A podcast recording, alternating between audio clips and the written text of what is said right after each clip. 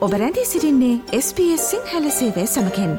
වැඩිතුර තොරතුර දැනැනීමට පිවිසන්න ps.com.ta/ Sinhala වෙපඩවයට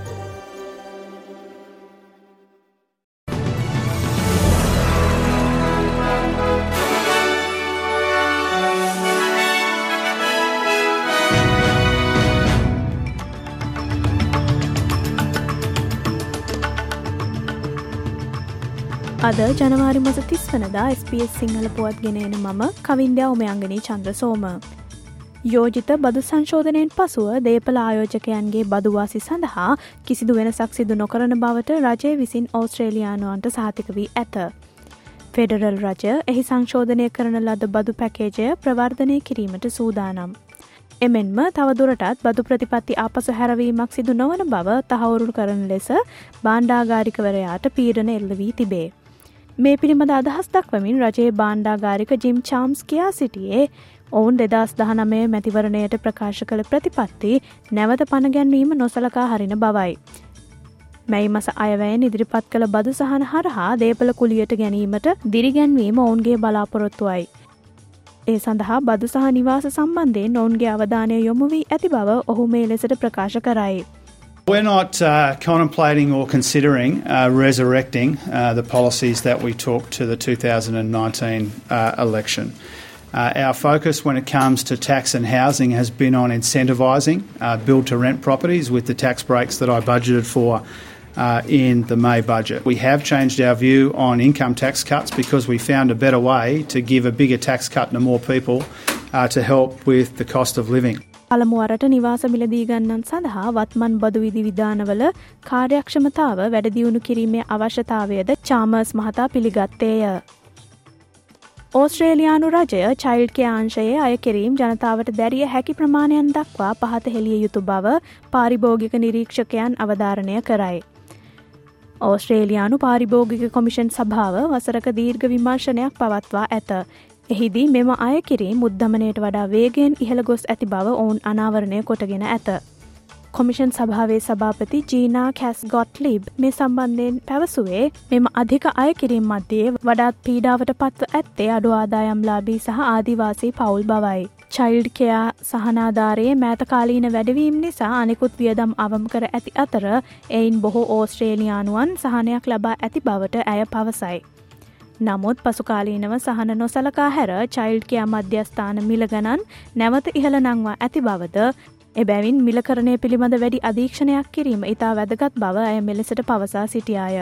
The recent uh, increases in the childcare subsidy have reduced out of pocket expenses and made it more affordable for many Australians. But what we can see is that over time, the childcare centres increase the prices mm. and work away at those reductions. And so it's very important to have more supervision of pricing yeah. and to take interventions in the areas where there are few services and people are not served well at all. පසුගියදා කිරිලි සුරිකුණාටුව අකණ්ඩව කවීන්ස්ලන්තේ හරහා ගමන් කිරීමෙන් අධික වර්ෂා තත්ත්වයක් ඇතිවිය. මේ හේතුවෙන් මාස ගණනාවකට මාර්ග වසා දමා පුද්ගලික දේපල හා නිවාසවලින් ඉවත්වීමට කවීන්ස්ලන්ත වැසියන්ට සිදුවිය හැකි බව වාර්තාවේ. ගිනි කොනදික ප්‍රදේශයේ පදිංචිකරුවන් හට වඩාත් දරුණු කාලගුණික තත්ත්වයන් සහ අධික වර්ෂාපතනයකට මුහුණදීමට සිදුවෙයි. එබැවින් බලධාරීහු කවීන්ස්ලන්ත වැසියන්ට නැවත සහය ලබාදීමට දැඩි උත්සාහයක නිරත වෙති. මෙම කාලගුණ තත්ත්වය යටතේ හැටහය දහසකට ආසන්න පිරිසකට විදුලි බලය ඇනහිට ඇත. කාලගුණ විද්‍යා කාර්යංශය පවසන්නේ මෙම නිවර්තන සුලිකුණාටුව ඉදිරිදින කිහිපය තුළ මවන්් ඊසා සහ ලෝන් ග්‍රීච් අතරින් ගමන් කිරීමට නියමිත බවයි. සිට්නි වරායේ එලිසබත් බෙහි මෝර ප්‍රහාරයකට ලක් වූ කාන්තාවකගේ දිවි බේරා ගැනීමට වෙරලාරක්ෂකයන් සමත්ව තිබේ. ඊයේ දින පස්සුරු හතයි හතලිස් පහට පමණ සිද වූ මෙම සිද්ධියත් සමඟ ගිලන් රථ සේවාව වහාම එම ස්ථානයට කැඳවා ඇත. එම කාන්තාවගේ දකුණු පාදයට බුල්ෂාක් වර්ගයේ මෝරෙකු යයි සැක කෙරෙන මෝරෙකු සපා කෑමට ලක්කර ඇති බව සැක කරයි. සෙන් වින්සන්ස් රෝහලට ගෙන යන විට ඇය විශාල් රුදිර වහනයකට ලක්වී අසාධ තත්ත්වය පස වූ බව වාර්තාවේ. ශ්‍රී ලංකාවෙන් වාර්තාවන ප්‍රවෘති අද මෞබිමෙන් පුවත් විශේෂාන්ගෙන් බලාපොරොත්තු වන්න. ජාත්‍යන්තර අපරාධ අධිකරණය සුඩානය හමුදාව සහ පැරාමිලිටරි කණ්ඩායම් වෙත යුද අපරාධ චෝදනා එල්ල කරයි. ඒ සඳහා විශ්වාස කිරීමට හේතු සාධක ඇති බව ජාත්‍යන්තර අපරාධ අධිකරණයේ ප්‍රධාන නීතිඥ කරීම් කාන් පැවසීය.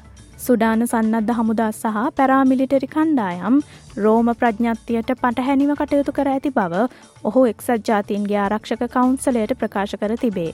ජනසංහාරය මනුෂ්‍යත්වයට එරෙහි අපරාධ ආක්‍රමණශීලී අපරාධ සහ යුද අපරාධ සම්බන්ධයෙන් ICCහි ආරම්භක ගිවිසුම අධීක්ෂණයට අධිකරණයට බලය ලබාදී ඇත. පැරාමිලිටරි කණ්ඩායම් විසින් පසුගිය වසරේදී එල්ජනීනාහි දහදහසත් පහළොස් දහසත් අතර පිරිසක් ඝාතනය කර ඇති බව එක්සත් ජාතීන්ගේ වාර්තා මේ මස මුලදී සොයාගෙන ඇත.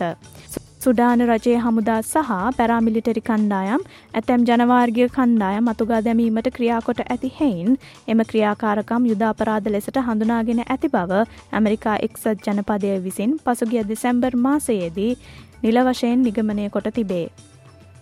ඕස්ට්‍රේලියාවට එරෙහි බටහිර ඉන්දිය කොදෙව් පිළ අතර පැවැත්වූ ටෙස්ට් ක්‍රිකට් තරඟාවලියේදී කොදෙව් පිළ ජයග්‍රහණය කර ඇත. එහිදී ශම ජෝසප්ගේ ක්‍රීඩා විලාශය මෙතෙක් ලෝ ටෙස්ට් ක්‍රිකට් පිටියෙන් දුටු විශිෂ්ටතම මංගල ක්‍රිකට් දස්කම් කිහිපයින් එකක් ලෙසට නම් කොට ඇත. තෙවැනි දින සවස්වරුවේ මිෂල් ස්ටාක්ගේ පන්දු යැවීම හමුවේ ඔහුගේ දකුණු පාදේ ඇගිල්ලක් ආබාධයට ලක්විය. එයින් නොසලුණු විසිහතර හැවරදි ඔහු ලකුණු හැටාටකට කඩුළු හතක් ලබාගත්තේය. තරඟාවලිය ජයපරදුමකින් තොරව අවසන් වූ අතර වසරකටත් අඩු කාලයකට පෙර සිය වෘතිය ක්‍රිකට් ජීවිතය ආරම්භ කළ ජෝසප් තරගේ ක්‍රීඩකයා සහ තරඟාවලියේ ක්‍රීඩකයා ලෙස සම්මානයට පාත්‍ර